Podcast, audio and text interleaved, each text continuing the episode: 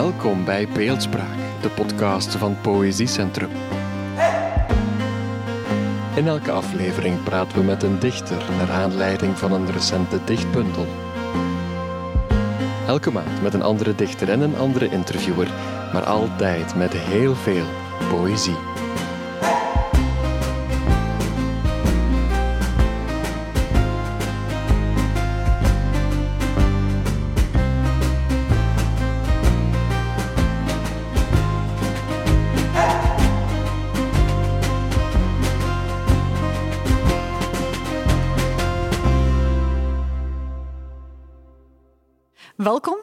Ben Frauke Pauwels. Ik doe onderzoek naar jeugdliteratuur en schrijf recensies voor Mappa Libri en Poëziekrant. Kinderversjes en poëzie vormden voor mij de opstap naar literatuur en die interesse is nooit meer gaan liggen. Vandaag praat ik met Rian Visser over haar bundel Alle wensen van de wereld. Rian is behalve kinderdichter ook schrijver van prentenboeken en kinderboekenseries zoals Blitz en Robotoorlog. Ze is grafisch vormgever en leesbevorderaar. Voor de oprichting van het telkens weer erg prikkelende raadgedicht werd ze bekroond met de alfabetiseringsprijs van Stichting Lezen. Voorts is ze een van de vaste dichters van het tijdschrift Dichter van Plint. Ook al zo'n waardevolle bijdrage aan de kinder- en jeugdpoëzie. En ik mag nog meer pluimen op haar hoed steken, want Rian won met de bundel Alle wensen van de wereld de Gouden Poëziemedaille. De prijs voor de beste recente Nederlandstalige kinderpoëziebundel. Een project van Poëziecentrum en Canon Cultuurcel. Welkom Rian en proficiat. Dankjewel. Ja, we gaan nog even door, want je werd niet enkel bekroond door de vakjury, maar ook door de kinderen zelf. Maar liefst 105.000 Vlaamse schoolkinderen hebben een stem uitgebracht. Een record voor deze vijfde editie van dat de Poëziesterren. Ja, precies.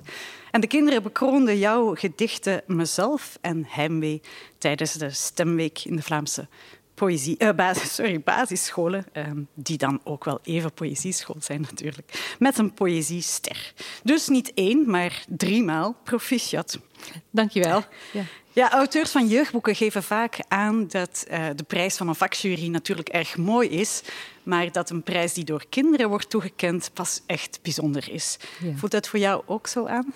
Uh, zeker. Ik vind het heel bijzonder dat uh, kinderen mij ook uh, de prijs hebben gegeven. Het is wel zo dat ik meer gewend ben dat kinderen mijn werk waarderen dan juries. Het is mijn eerste prijs.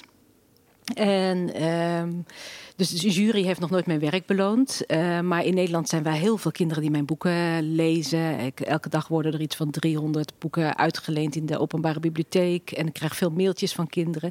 Dus aan waardering van kinderen ben ik eerlijk gezegd meer gewend dan aan waardering van de jury. Oké, okay, fijn. Dus ja. nu zijn de rollen eens omgekeerd. Ja. Ja. ja. jouw bundel die, die bulkt van de prachtige beelden. Uh, zoals de flat die je vergelijkt met een groot stapelbed. Ja. Of uh, wensen die in een bootje mee op tranen en wachten tot het tijd is om van boord te gaan. Er wordt wel eens gezegd dat jonge kinderen beeldspraak minder goed zouden kunnen vatten, of dat die beeldspraak in elk geval minder complex zou moeten zijn. Ja. Um, is dat iets waar jij rekening mee houdt in je kindergedichten? Ik hou er sowieso rekening mee dat het voor kinderen begrijpelijk moet zijn. Ik wil daarnaast ook wel dat het ook graag voor volwassenen interessant is. Dus dat is eigenlijk een extra moeilijkheid die je als kinderdichter hebt ten opzichte van volwassen dichters. Eigenlijk is ons vak veel moeilijker, want uh, ja, het moet eenvoudiger zijn. Ja. Um, ik denk niet dat kinderen per se moeite hebben met beeldspraak. Misschien denk ik juist wel meer als een kind. Ik denk dat kinderen meer moeite hebben met uh, uh, abstracte ideeën, vage verhalen. En ik zie eigenlijk mijn beeldspraak ook als een soort handicap. Ik merk vaak als ik met volwassenen praat dat ik niet goed uit mijn woorden kan komen, dan denk je, hoe moet ik dit nou uitleggen? Hoe moet ik dat nou uitleggen? En eigenlijk alles wat ik ergens over zou willen zeggen, zou ik eigenlijk tegelijkertijd het tegenovergestelde van kunnen zeggen. Uh, want dat is allebei waar. Als jij vraagt wat voor kleur heeft de lucht, dan zou ik blauw kunnen zeggen, maar ik zou ook grijs kunnen zeggen. En dan gaat er zoveel door me heen dat ik eigenlijk daar niks in zijn algemeenheid over kan zeggen. En wat ik dan vaak merk dat ik ga doen, is dat ik een voorbeeld ga nemen. Dat ik kan zeggen, nou, gisteren was het heel mooi blauw, en, maar toen zag ik grijze wolken. Dus dan ga ik meteen in beelden praten. En dat zie ik voor mezelf meer als een soort handicap. Dat ik denk, ik zou eigenlijk ook ja, dat, ja, dat abstracte taal zou ik meer willen kunnen, maar dat kan ik niet. Ja, ja dat wat ik bedoel? Dus in mijn beeldspraak is. En ik, ik, denk dat het voor kinderen dan juist heel prettig is als je met een voorbeeld komt. En toen ik daarover na zat te denken, dacht ik: het woord beeld zit zowel in beeldspraak als in voorbeeld. Bij voorbeeld bedenk je ook een beeld om iets duidelijk te maken. En dat is denk ik ook wat ik in het gedicht in gedichten vaak doe. Ja, precies. Ja, heel mooi. Ik vind het uh, in elk geval helemaal geen handicap, maar okay. een groot talent. Nee. Um, en voor het tijdschrift Dichter krijg je ook vaak een, de, die werken thematisch. Dus dan ja. hebben ze een bepaalde thema, zoals uh, bijvoorbeeld griezelen. En nou ja, dan zit je voor jezelf na te denken van wat voor gedichten kan ik daarover schrijven. En toen wilde ik graag iets schrijven over angst. Uh, maar dat is ook zo'n algemeen onderwerp. En toen kwam ik uiteindelijk dus op het eh, gedicht Sneeuw terecht. Ja, precies. Ja, ja, dat Omdat ik daarmee in een voorbeeld kon laten zien hoe je met angst kunt omgaan. Ja. Misschien kunnen we even luisteren hoe sneeuw klinkt. Ja, is goed. Hier komt die sneeuw. Als de angst me overvalt, zou ik deze als sneeuw bij elkaar willen vegen, er een bal van kneden en die zo ver mogelijk weggooien. Of ik zou hem als sneeuwpop voor het raam willen zetten, om er van een afstand naar te kijken. Maar de angst plakt als sneeuw onder mijn schoenen. Ik neem het mee naar binnen, waar het smelt en ik er op mijn sokken doorheen loop. Angst is als een lawine. Als ik s'nachts naar de hemel tuur, daalt hij in duizenden vlokjes op me neer en raak ik erdoor overweldigd. Toch durf ik er soms zomaar in te gaan liggen, mijn armen te spreiden en een sneeuwengel te maken. Ja, mooi. Wat ik zo sterk vind aan dit gedicht is dat je vertrekt van één vergelijking, namelijk angst als sneeuw. En daar dan uh, allerlei activiteiten mee laat uitvoeren. Sneeuwballen gooien, ja. sneeuwpop kijken. En op, ja, op die manier komen dan allerlei manieren om met angst om te gaan ja. uh, aan bod. Is, is dat wat poëzie helpt te doen om in één zaak vanuit verschillende hoeken te bekijken? Ligt, ligt daar misschien ook de kracht van beeldspraak? Oei, dat vind ik een moeilijke vraag. Dat is weer zo'n vraag waar ik kan ja en nee op kan zeggen. Ja, dan mag je dat doen. Dat vind ik een te moeilijke vraag. Ja, ik weet ook niet meer precies hoe ik op die vergelijking kwam met sneeuw. Um, maar um, ik denk dat ik, dat ik begon met die bal. Zo van angst wil je eigenlijk het liefst van je afgooien. Mm. En waar kan ik dat mee vergelijken met sneeuw? En eigenlijk is sneeuw en angst een hele rare combinatie. Niemand denkt uh, bij sneeuw uh, aan angst. En het eerste versie van het gedicht eindigde ook op een andere manier. Dat van uh, nooit denkt iemand uh, bij sneeuw aan angst, behalve als er een lawine op hem afkomt. Dan wel. Mm. Dus er zat er een grapje ja, aan dat ja, eind. Ja, maar dat vond ik uiteindelijk toch niet mooi. En nu, toen ben ik geëindigd met die sneeuwengel, waardoor die een wat ja, meer emotionele, diepere lading kreeg. Ja, zo, zo blijf je heel dicht bij hoe om te gaan met dat gevoel. Hè? Ja, maar het, het, is vaak voor mijn dichten zelf ook een verrassing wat er uitkomt. Dus dichten is niet alleen dat ik een boodschap wil overdragen aan de lezer, maar ook dat ik voor mezelf iets wil ontdekken. En zo kwam het dus met, uh, met sneeuw ook. Ik denk dat ik begonnen ben met die bal en dat ik toen daarop doorging mijmeren. En dat ik dacht, oh, maar er zijn meer manieren waarop je met sneeuw kunt omgaan, wat ook te vergelijken is met angst. En dat het voor mezelf dan uiteindelijk een verrassing is wat er uitkomt. Dus het is niet zo dat zo'n vergelijking al kant en klaar in mijn hoofd zit en ik hem alleen nog op papier moet zien te krijgen, maar het ontstaat echt als schrijvend. Ja, ja en ik ben dus ook een schrijver die twintig versies heeft van een gedicht en het dan denkt nee, het wordt niks en het laat liggen en het een maand later nog eens oppakt of een jaar later. En net als dit gedicht wat dus een eerdere versie had. Um, ja, blijft dat voor mezelf een soort onderzoek van wat wil ik in die tekst of zeggen of wat wil die tekst mij zeggen. Ja. Snap je wat ik bedoel? Ja, dat ik dus eigenlijk zelf nog ja, niet Ja, je noemt nu onderzoek. Je zou het ook als een soort knutselen kunnen benoemen? Of, um, of maak ik het dan te makkelijk en te speels? Nee, uh, dat, uh, dat is een hele goede vergelijking. Ja. Ik, eh, als ik een verhaal schrijf, vertellen kinderen vaak dat ik het ook zie als een soort uh, beeldhouwwerk. Als je een gezicht wilt maken, dan zet je eerst bijvoorbeeld uh, met een blok klei zet je een hoofd neer en een neus en oren en een mond. En dan ga je steeds meer detailleren.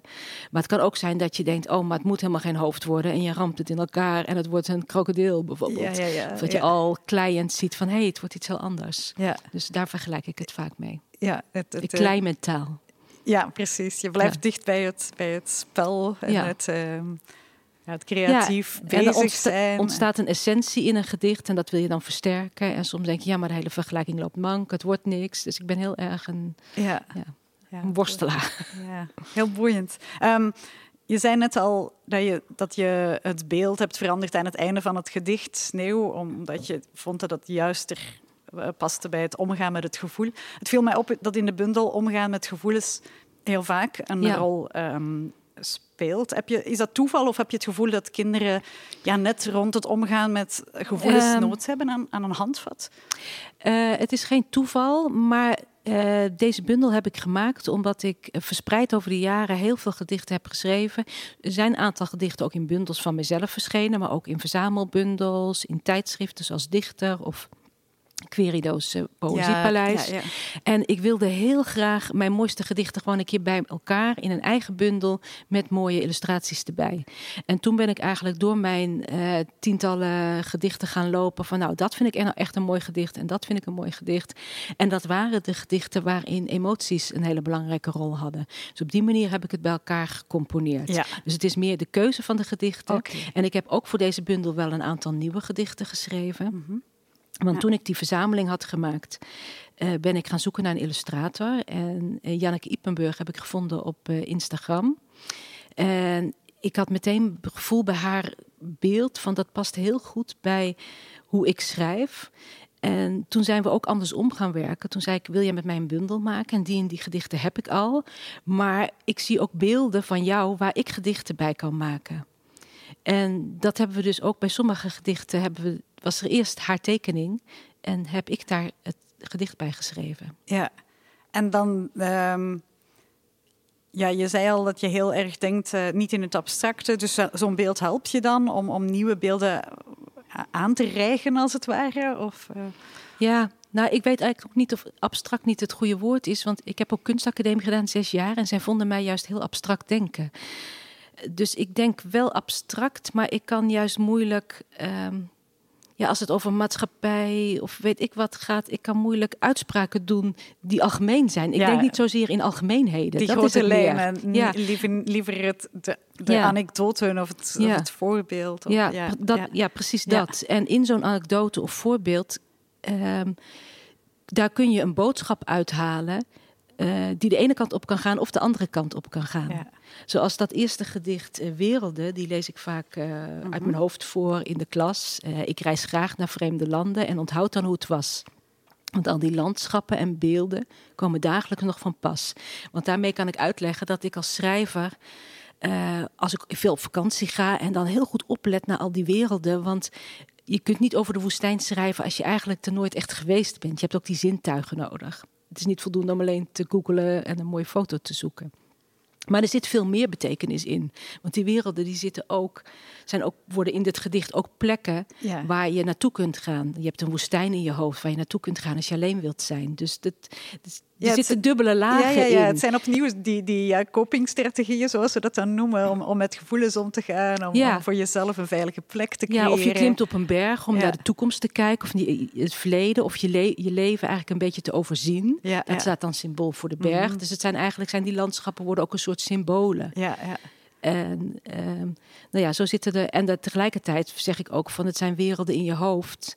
En dat heeft elke schrijver. En Ja. ook elk mens. Want dan vraag ik ook wel eens van droom je wel eens dat je in een wereld bent waar je nog nooit in het echt geweest bent. Mhm. Of in een huis wat je eigenlijk helemaal niet kent, maar wat wel in je droom een aantal keren terugkomt. En er zijn altijd kinderen die dat herkennen. Ja, ja, ja, dus je stimuleert de kinderen. Je beschrijft ook net dat, dat eh, niet alle illustraties pas achteraf zijn gemaakt, dat jullie Ja. echt eh, in wisselwerking gaan. Een, een gedicht dat dat heel mooi vertaalt, vind ik, of vertolkt, dat, eh, dat samenspel is het gedicht Beeldtaal. Wil je dat Ja, ook die is even wel, lezen? daar was wel eerst het gedicht ervan en daarna de illustratie. Ja. En dat leek me voor eh, Janneke echt een hele puzzel om daar een Pres- beeld ja, bij te maken. Ja, inderdaad. Maar het is ook ik dat weer in het gedicht ook eigenlijk vraag van bedenk je eigen beeld Ja, daarbij. en het is ook weer een prachtig beeld waarin... eh, ja. Ja, de tekening die zij heeft gemaakt, dat wordt door mensen ook herkend. Dat is een huisje op Vlieland. Oh. Vlieland is een van de Nederlandse Waddeneilanden. En daar heb je een enorme zandplaat en daar staat dit huisje op uh, poten op. En het grappige van het huisje is dat je er doorheen kunt kijken en dan door het huisje ook de zee ziet. Dat het echt niet zo, maar dat is dus in de tekening van Janneke. Ja, dit wilde ik net vragen. Oh, is dat dan in het echt ook zo? Nee. En, en dan, ja, fijn is ook dat je, je ziet ook uh, de schaduw van een, een oudere, of in elk geval grotere persoon met een, een kleiner man met een kind, kind aan de hand. Ja. ja. Oké, ik ga hem lezen. Ik neem even een slok water, maar ik knip voor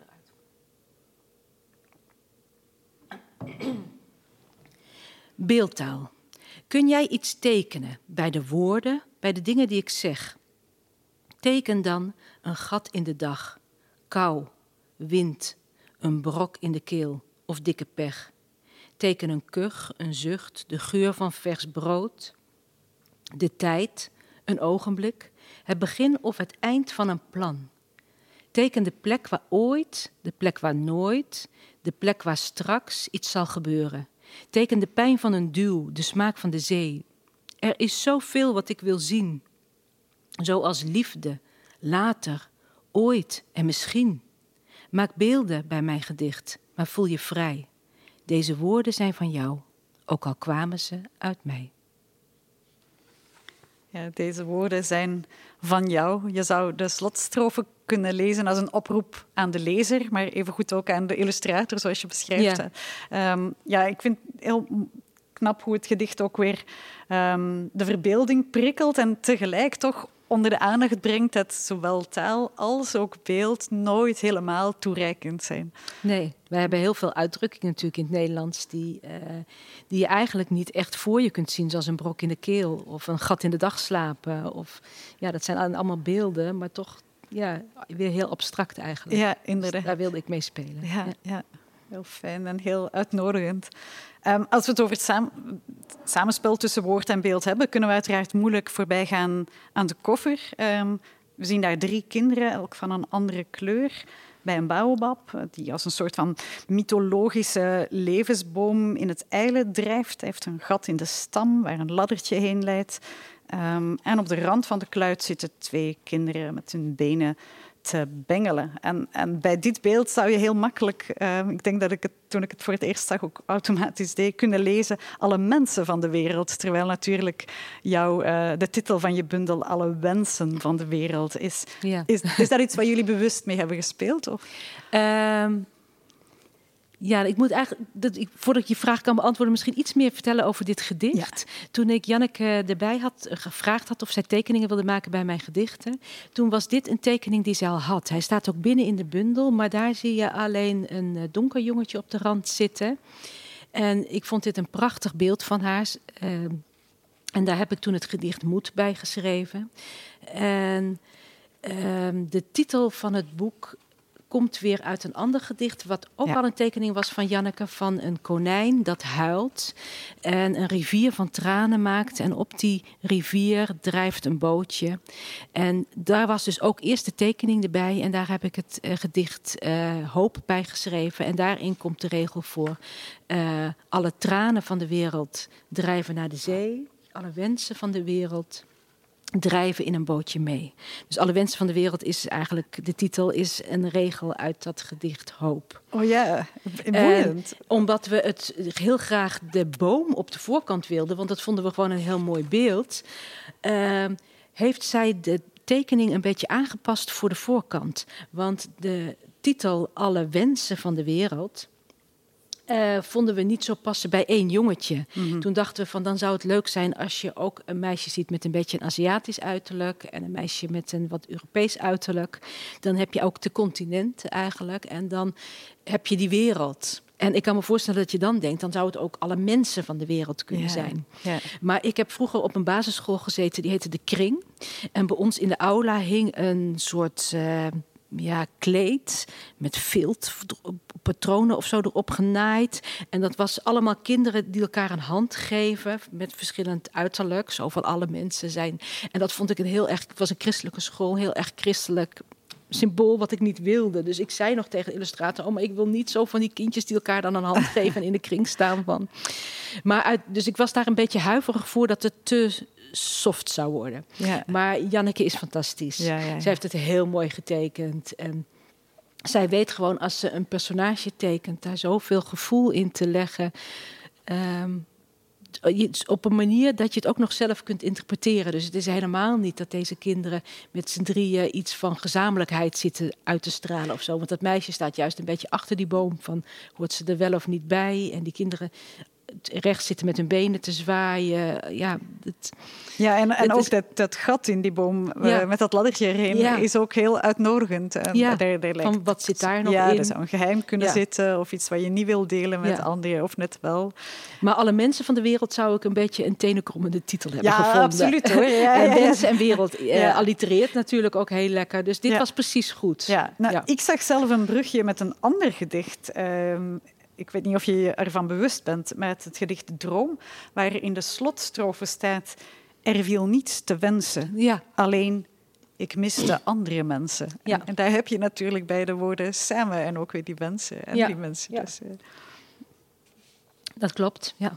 En het eh, wensen komt er ook een paar keer in voor. Hè? Bij het gedicht Slak. mhm. Of die, oh nee, die heet Wens. Die heette vroeger, die is ook ooit gepubliceerd ergens. Ik weet niet meer waar.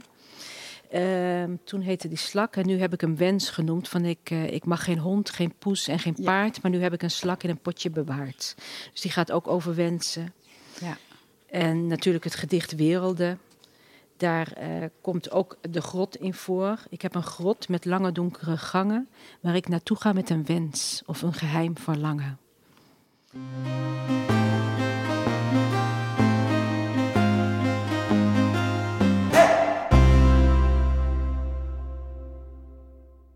Ja, we hebben het al heel wat over gevoelens gehad en ho- hoe daarmee om te gaan. Het gedicht Mezelf probeert ook al van een afstandje naar emoties te kijken. Het won ook eh, een poëziester. Ja. Eh, dus misschien kan je ook dat nog even voor ons lezen. Ja, zal ik doen. Mezelf. Als ik mezelf niet ben, zou ik een bloem kunnen zijn. Een oude boom, een vlinder, een dolfijn. Ik zou een ander mens kunnen zijn. Een kapitein, een zanger, iemand met een meesterbrein. Ik zou jou kunnen zijn en jij mij. Ik zou verdrietig kunnen zijn en jij blij. Ah, dit gedicht gaat voor mijzelf eigenlijk heel erg over empathie. Dus dat je je verplaatst in een ander. En niet zozeer dat je een ander zou willen zijn omdat je niet tevreden bent met je leven. Want ik zou verdrietig kunnen zijn en jij blij. betekent eigenlijk dat ik nu blij ben, maar ik zie dat jij verdrietig bent. En dan probeer ik me in jou in te leven en me in jou te verplaatsen. En zo kun je je ook in taal verplaatsen, in een bloem of in een boom of in een dier of in een waterdruppel. Eigenlijk in alles. Dus dit gedicht gaat voor mij heel erg over empathie. Ja, en daar hadden we het ook al uitgebreid over. Dus Ja. zo zie je hoe alles mooi samenkomt Ja. en hoe eh, verschillende van die ideeën in heel veel van je gedichten vertegenwoordigd zijn. Ja, Ja, heel mooi.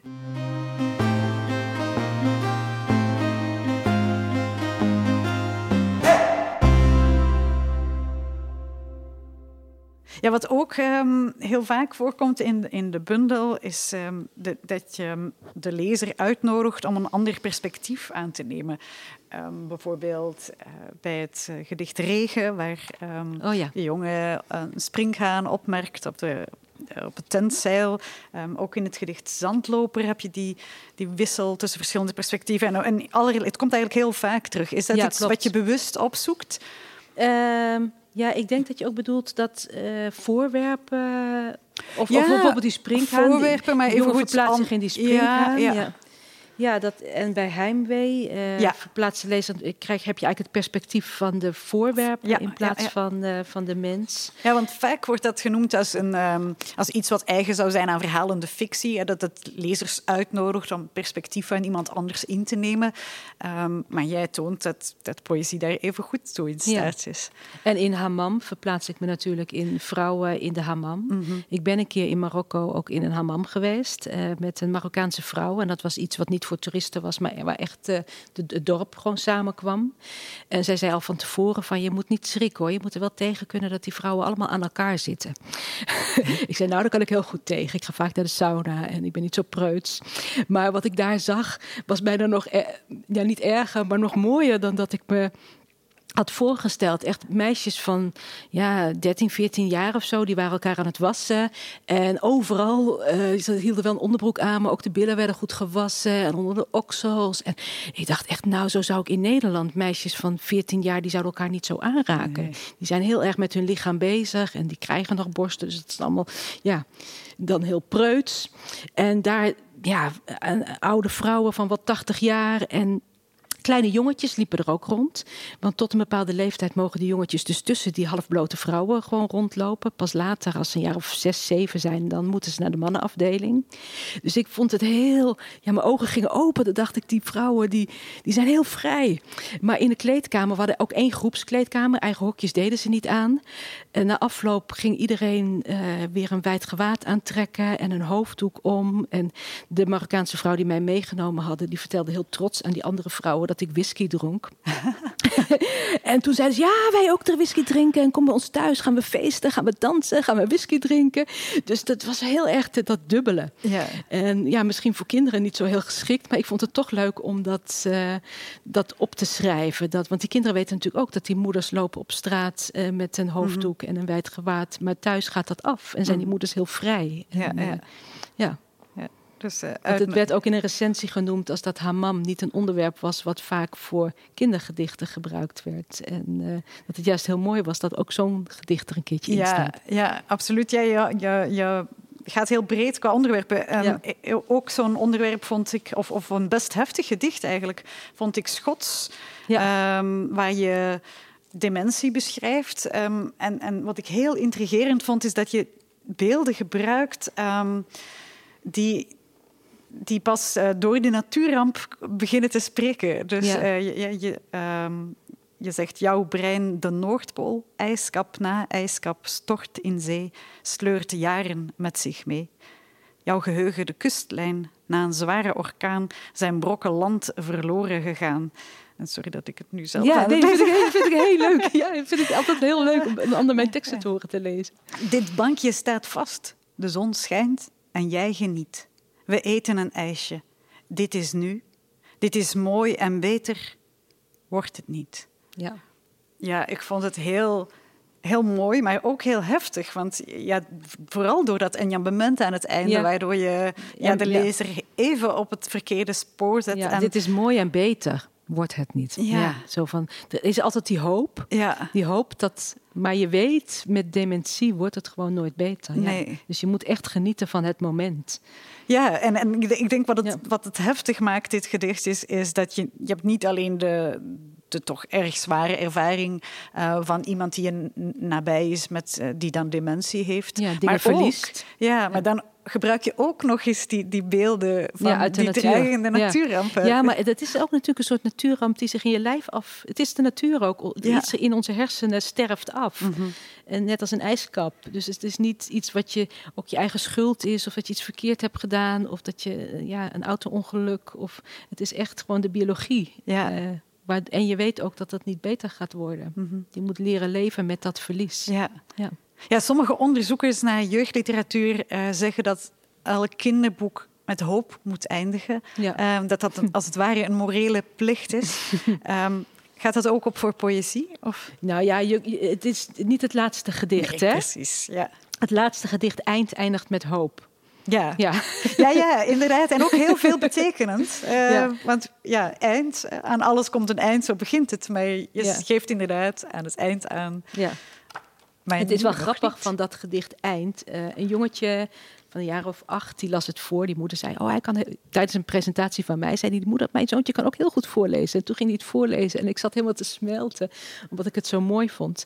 Maar toen had hij thuis tegen zijn moeder gezegd, je kunt het gedicht van boven naar beneden lezen, maar ook van links naar rechts. Oh. En het grappige is dat er zijn ook mensen die hebben mijn gedicht op muziek gezet. En die hebben het ook van links naar rechts oh, gelezen. Dus je kunt dit gedicht op twee manieren lezen. En dat vind ik eigenlijk alleen maar leuk. Dus ja. uh, je kan lezen aan alles komt een eind. Aan de sneeuwpop die verdwijnt. Aan het circus in de stad. Aan het leven van een kat, nou, zo enzovoort. Maar je kunt ook de eerste linkerkolom, rechterkolom, Mhm. en dan wordt het aan alles komt een eind. Aan de nacht, aan de dag, aan de sneeuwpop die verdwijnt, aan een grapje, aan een lach, aan het circus in de stad, aan verhalen in een boek, aan het leven van een kat, aan de woorden die ik zoek.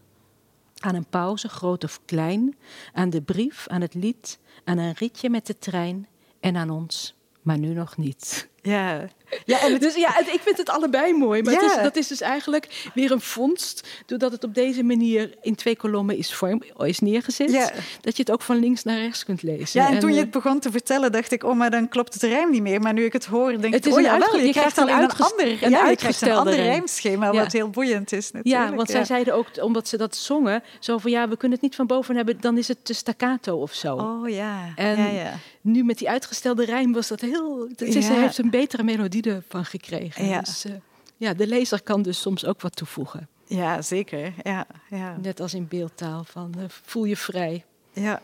Deze woorden zijn van jou, Mhm. ook al komen ze uit mij. Ehm, to- toen eh, van de Vlaamse dichter Stijn de Pape, eh, helaas overleden intussen, ehm, het- de bundel Het lijkt wel een feestje verscheen. Toen was er een taalkundige, ehm Neerlandicus, Mark van Oostendorp, die eh, juichte dat die gedichten zo metrisch zijn. En, en hij meende dat daarvan in de kinderliteratuur niet genoeg kan zijn. Ben jij daar ook bezig met metrum, met ritme, met rijm? Ehm, Eh, soms heel sterk, dan zit ik echt voor mezelf te tikken. Mhm. Van tam, ta, ta, tam, ta, ta, tam, ta, ta, tam. Of tadam, tadam, tadam, tadam. dus dan let ik daar wel heel erg op. Maar dat geldt eigenlijk niet voor alle gedichten. nee. Ehm, ja, dus daar zitten ook verschillende gedichten in. nee, klopt. Ja. Dus de wereld heeft dat wel, Mhm. Ehm, ja, maar niet allemaal. Nee, Nee. Ja, eh, toen ik er do- doorheen ging, dacht ik, ja, inderdaad. eh, soms is het heel uitgesproken en soms is het ook heel nee, en afwezig. soms wil je heel vrij zijn. Ja, En eh, soms is een gedicht eigenlijk meer een verhaal. Mhm. Zoals dat wat ik vertelde van de olifant en de muis. Ik heb laatst een gedicht geschreven over het klimaat. Mhm. En toen had ik eigenlijk een kort verhaaltje in mijn hoofd over een muis en een olifant. En toen probeerde ik. Dus wat ik vaak doe met een gedicht, is dat ik het eerst als een soort kort verhaaltje opschrijf. En dan vooral let op welke woorden kies ik, welke beelden kies ik en welk, welke essentie moet erin zitten. En dan pas later ga kijken, kan ik hier en daar rijm toevoegen. En pas nog weer later van welke melodie zit er al van nature in die zinnen en hoe kan ik dat versterken. Hetzelfde als dat kleien. Grof beginnen en dan langzaam Ja. weer details erin. En daarbij dacht ik van ja, maar ik moet nu zoveel aanpassingen aan de inhoud gaan doen om de rijm in te krijgen, dat ik het dan liever niet doe. Dus eh, ik kies dan liever voor de inhoud dan voor de rijm. Ja, ja, ja. Geen, geen Maar het rij- mooiste is als ja. het allebei lukt. En Ah ook ja, wat dat betreft past, denk ik dat wij kinderdichters het iets moeilijker hebben dan volwassen dichters, Mhm. want die rijmen bijna nooit. En kinderen vinden het vaak toch heel prettig als er rijm in zit. Ja. Eh, dus ja, dat is een extra moeilijkheid om dat, eh, er een strak rijmschema in te stoppen Ja, en een strak metrum. ja, zonder dat eh, volwassenen dan eh overstruikelen. Want je zei Ja, al- want die zeggen, vinden het dan vaak te, te makkelijk. ja, of, en je eh, zei aan het begin hè, dat je dat eh, bewust probeerde om, om je gedichten ook boeiend te maken voor, Voor volwassenen, ja. ja, ja. Nou, Gerrit Komrij die heeft een bundel, Duizend en Enige Gedichten. Mhm. Dat is alweer jaren geleden, Ja, misschien wel tien jaar Ja, geleden of zo dat die verscheen. En die heeft daar twee gedichten van mij in gestopt. Ik ben dus een van de laatste, meest recente dichters. En dat waren gedichten die ik voor kleuters heb geschreven, waar een heel strak eh, rijmschema in zat. Van scherp, is de zwaar, scherp zijn de zwaarden waar ridders mee vechten. Net als de snavels van mhm en spechtelen. Ik weet het niet meer uit mijn hoofd, maar er zat zo'n heel strak ritme in. Dus ik was helemaal verrast van, ja, maar dit is toch geen poëzie? Dit zijn gewoon een versje voor kinderen. Ja. Maar ja, daar zitten dus ook wel mooie beelden soms in. Ja, ja, ja. ja wat, ehm, wat mij ook opvalt is het eh, ja, verschil bijna. Dus jij maakt hè, met ehm, apps boeken voor beginnende lezers, reeksen zoals Robotoorlog. En maak je, maak je je sterk voor kinderen die doorgaans niet makkelijk de weg naar lezen vinden. Ehm, en in deze bundel spreekt eigenlijk heel vaak een talige ik. Die houdt van, van verhalen, van boeken. En Ja. denk aan eigen verzinsels of hoofdschrijven. Ja. Ehm, bouw je voort op dingen die je zelf graag doet en deed als kind? Of heb je bij die poëzie inderdaad eh, bewust een ander type lezer voor ogen? Ehm, ik denk dat het toch altijd vanuit mezelf schrijf. Ik denk niet zo snel aan een kind of eh, als ik schrijf. Nee, dus dat. Maar ik, ik zorg bij deze gedichten er wel eens voor dat het begrijpelijk is voor kinderen. Maar nou ja, dat zei ik in het begin ook. Ik wil ook graag dat het eh, boeiend is voor volwassenen. Dus het, ja, Ja. Veel meer kan ik daar misschien niet over zeggen. Misschien moeten we, misschien moeten we dan deze... eindigen. Ja, eindigen met een gedicht. Ik genoot erg van Heimwee. Daar staan prachtige verzen in. En ik ben dus heel erg blij dat ook de kinderen van het vijfde en zesde leerjaar dit gedicht met een poëziester bekroonden. Wil je dat nog even voor ons lezen? Ja, Heimwee. Als spullen heimwee konden hebben, zou een bril dan kunnen rouwen? Zou een ring ernaar verlangen om opnieuw te trouwen? Zou een kopje steeds rond theetijd luisteren of de ketel fluit? Zou een hemd, al lang een poetsdoek, nog hunkeren naar mensenhuid? Zou een matras zich ledig voelen als er niemand op hem ligt? Zou een typemachine nog hopen op een nieuw gedicht? Ja, en welke verzen kunnen deze podcast beter afsluiten dan deze? Wij hopen alvast op nog erg veel gedichten. Bedankt Rian voor het gesprek en dank ook aan het Letterenhuis om ons zo gastvrij te ontvangen voor deze opname van Beeldspraak. Oké, graag gedaan.